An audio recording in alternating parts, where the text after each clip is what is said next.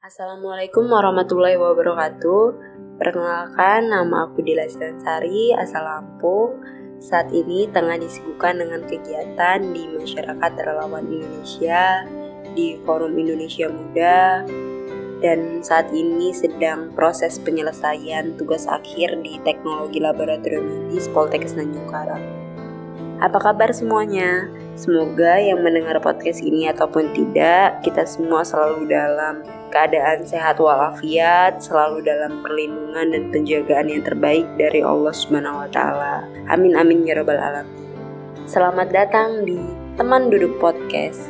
Aku diajakin Kang Irfan buat sharing-sharing pengalaman terkait apa yang udah terjadi di dalam hidupku. Ada satu hal penting yang ingin aku bagikan ke kalian yang aku garis bawahi dari kisah hidupku adalah ketika aku mengikhlaskan suatu hal yang tidak aku sukai, bahkan tidak pernah aku pikirkan sebelumnya. Diawali pada saat SMA kelas 3, yaitu ketika kita disibukkan dalam memilih perguruan tinggi dan jurusan yang diinginkan. Pada saat itu aku sudah memiliki arah hidup, aku memutuskan untuk mengambil dunia pendidikan dan aku ambil pendidikan matematika di Universitas Pendidikan Indonesia. Itu keinginan awal. Namun ternyata orang tua dan keluarga tidak setuju. Mereka tidak ingin anak gadisnya berada di luar Lampung dan akhirnya aku kerucutkan cita-citaku. Jadi aku ambil pendidikan matematika di Universitas Lampung. Dalam proses pendaftarannya ternyata orang tua membujuk untuk daftar juga di Poltekkes Tanjung Karang. Karena aku berpikir hanya untuk daftar-daftar saja, jadi aku mendaftarkannya tanpa berpikir nantinya ingin kuliah di sana. Ternyata setelah pengumuman di pendidikan matematika aku lolos, di Poltekkes Tanjung Karang aku lolos, dan pada saat itu aku tetap yakin, tetap percaya diri untuk mengambil pendidikan matematika toh memang itu arah hidupku di awal. Ini tujuan hidupku ya memang dunia pendidikan gitu kan. Tapi ternyata lagi-lagi kedua orang tua tidak setuju. Mereka lebih ingin aku masuk ke Politik Tanjung Karang jurusan Teknologi Laboratorium Medis hanya karena satu alasan, yaitu peluang kerja di dunia kesehatan itu lebih besar, gitu katanya dengan berat hati, dengan kekecewaan, kekesalan, kemarahan, mengutuk nasib, menyalahkan orang tua, merasa Allah tidak adil, banyak hal negatif yang ada di pikiranku, aku putuskan untuk mengambil TLM, tetapi dengan berat hati. Dan aku merasa ketika menjalani awal-awal perkuliahan, mungkin ada lah ya sekitar dua bulan perkuliahan, itu hari-hari kupenuhi dengan kekosongan. Yang penting datang kuliah, tapi nggak tahu tujuan kuliah itu apa. Yang penting hadir, duduk, udah kayak tapi nggak tahu itu sebenarnya aku kuliah apa, aku ngapain di kampus, aku ngapain duduk itu nggak tahu. Mungkin karena uh, awalnya aku tidak bersyukur ya. Padahal Allah sudah memberikan nikmat yang luar biasa, sudah bisa mengkuliahkan aku melalui kedua orang tuaku. Dan kalau kita lihat ke belakang banyak gitu kan. Orang-orang yang tidak bisa kuliah yang nggak bisa mengenyam pendidikan dengan baik. Dan itu yang menjadi salah satu titik balik aku aku mulai merubah mindset mulai merubah pola berpikir ketidakbersyukuran menjadi lebih bersyukur dan ikhlas yang utama ikhlas. Itu yang paling aku maknai Aku ikhlas atas apa yang telah Allah berikan dalam hidupku. Aku ikhlas atas jalan yang orang tua telah pilihkan untukku. Pada saat itu aku yakin ridhonya orang tua pasti Allah juga meridoi. Pasti dengan aku menuruti apa yang menjadi keinginan orang tua, pasti akan ada hal positif, akan ada kado-kado terindah yang Allah berikan kepada Dan ternyata benar, tidak sampai satu bulan aku merubah mindsetku dan cara berpikirku. Aku merasa banyak hal baik yang terjadi, mulai dari lingkungan-lingkungan yang positif, teman-teman yang baik, dan banyak sekali tawaran-tawaran organisasi yang masuk. Karena dulu aku punya pengalaman yang kurang baik terkait organisasi, yaitu di SMA aku pernah diamanahkan menjadi bendahara MPK, tetapi tidak aku manfaatkan dengan baik. Aku tidak menghiraukan amanah itu, tugasku hanya belajar, belajar, belajar akademik pada saat itu ya. Jadi sama sekali aku tidak menghiraukan amanah tersebut. Dan ini yang menjadi salah satu motivasiku untuk berorganisasi ialah memperbaiki masa lalu. Diawali aku menjadi wakil ketua HMPS TLM, lalu di semester berikutnya aku mengembangkan sayap untuk ambil di BMKM Poltekkes Tanjung Karang dan lang aku langsung diamanahkan menjadi Menteri Luar Negeri karena aku suka bersosialisasi dengan orang baru, karena aku suka berkomunikasi dengan orang baru, maka memang aku ingin sekali menjadi Menteri Luar Negeri dan akhirnya diamanahkan pula di situ.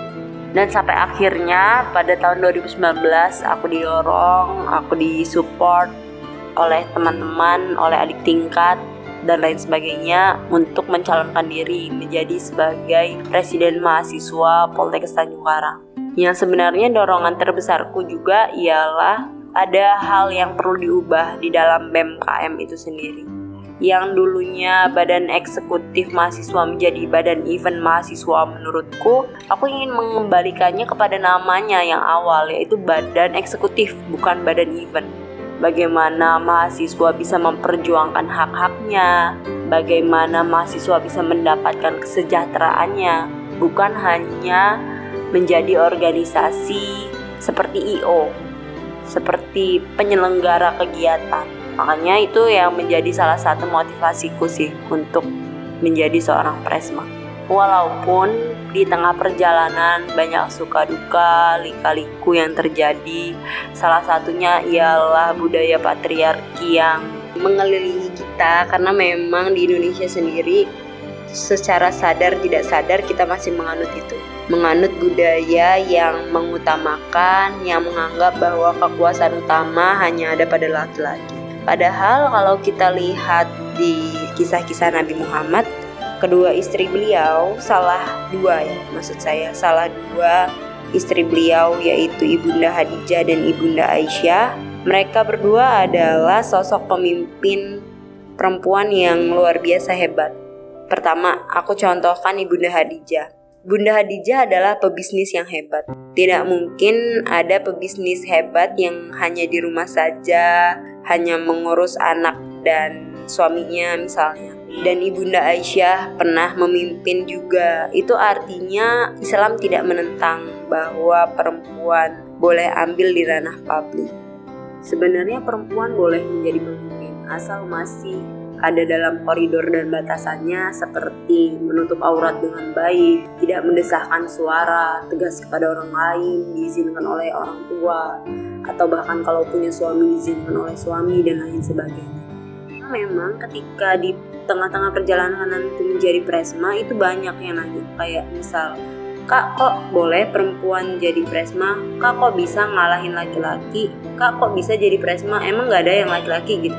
itu pertanyaan-pertanyaan yang patriarki banget kan ya harusnya kita bisa buktikan kalau perempuan juga boleh ada di ranah publik justru kepemimpinan perempuan dan laki-laki itu berbeda keduanya saling melengkapi keduanya bukan untuk bersaing siapa yang paling utama dan pemimpin gitu. Tapi saling melengkapi karena kita mempunyai dua sifat yang berbeda. Misalkan laki-laki lebih condong kepada tujuan sedangkan perempuan orientasinya adalah ke tim bagaimana kita membangun tim untuk mencapai suatu tujuan gitu. Memang antara pemimpinan laki-laki dan perempuan itu tugasnya untuk saling melengkapi bukan untuk mengungguli siapa yang paling unggul bukan. Itu pun yang Islam ajarkan sebenarnya. Oh iya uh, ada cerita juga ya ketika aku jadi presma itu aku di bulan September itu kan sering-seringnya demo Poltekkes Tanjung Karang itu adalah salah satu kampus yang sering, sangat sering bahkan mengirimkan masa aksi. Dan pada bulan September itu kita mengirimkan masa aksi terbanyak. Dan pertama kali sejarah mencatat Poltekkes Tanjung Karang mengirimkan masa aksi terbanyak di Lampung karena sebelumnya masa aksi dari Poltekkes itu paling 10 20 gitu paling banyaknya karena kita merupakan pendidikan di bawah Kementerian Kesehatan.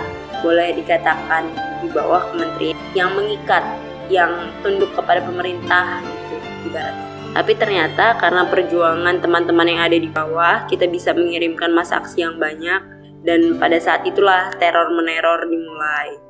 Nomorku sering ditelepon oleh orang asing di WA, Instagram dan lain sebagainya bahkan hampir disadap oleh pihak kepolisian. Dan uh, bahkan waktu itu ada isu mau penculikan dan lain-lain. Mungkin itu salah satu cara mereka ya karena mereka merasa kalau pemimpin perempuan mudah untuk digoyahkan gitu. Jadi itu salah satu mereka untuk meredam masa aksi pada saat itu. Tapi dengan adanya seperti itu, kami tidak surut semangatnya untuk ikut aksi. Bahkan kami mengirimkan masa aksi lebih banyak dari itu. Luar biasa sih ya perjuangannya. Oh iya, ada satu lagi hal yang luar biasa terjadi dalam hidupku adalah aku dulu di SMP SMA seneng banget ngeliat pesawat terbang. Jadi kalau ada pesawat di langit, aku tuh selalu berdoa dan selalu bilang aku pengen banget naik pesawat dan akhirnya aku menuliskan cita-cita aku di kertas dan aku tempelkan di lemari. Tulisannya adalah aku harus naik pesawat pertama kali dibayari oleh institusi.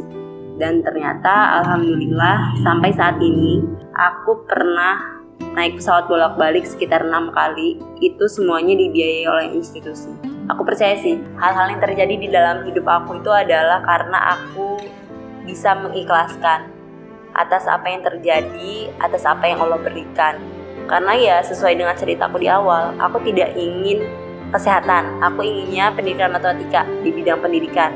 Tapi ternyata Allah memberikan jalan lain. Ternyata Allah memberikan jurusan yang lain yaitu di kesehatan. Yang awalnya aku menentang, aku kecewa, aku tidak bersyukur dan aku mulai merubah mindsetku aku bersyukur dan Allah memberikan banyak sekali hal-hal tak terduga, hal positif yang baik yang masuk ke dalam diri.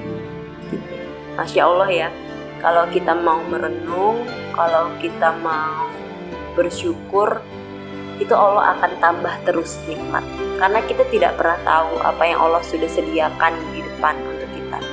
Jadi yang bisa kalian ambil dari ceritaku adalah apa pun yang kalian jalani saat ini Tolong berikanlah yang terbaik, maksimalkanlah itu, karena bisa jadi setahun, dua tahun kemudian, dengan jalan yang sekarang, Allah sudah mempersiapkan suatu kado terbaik dan terindah untuk kalian.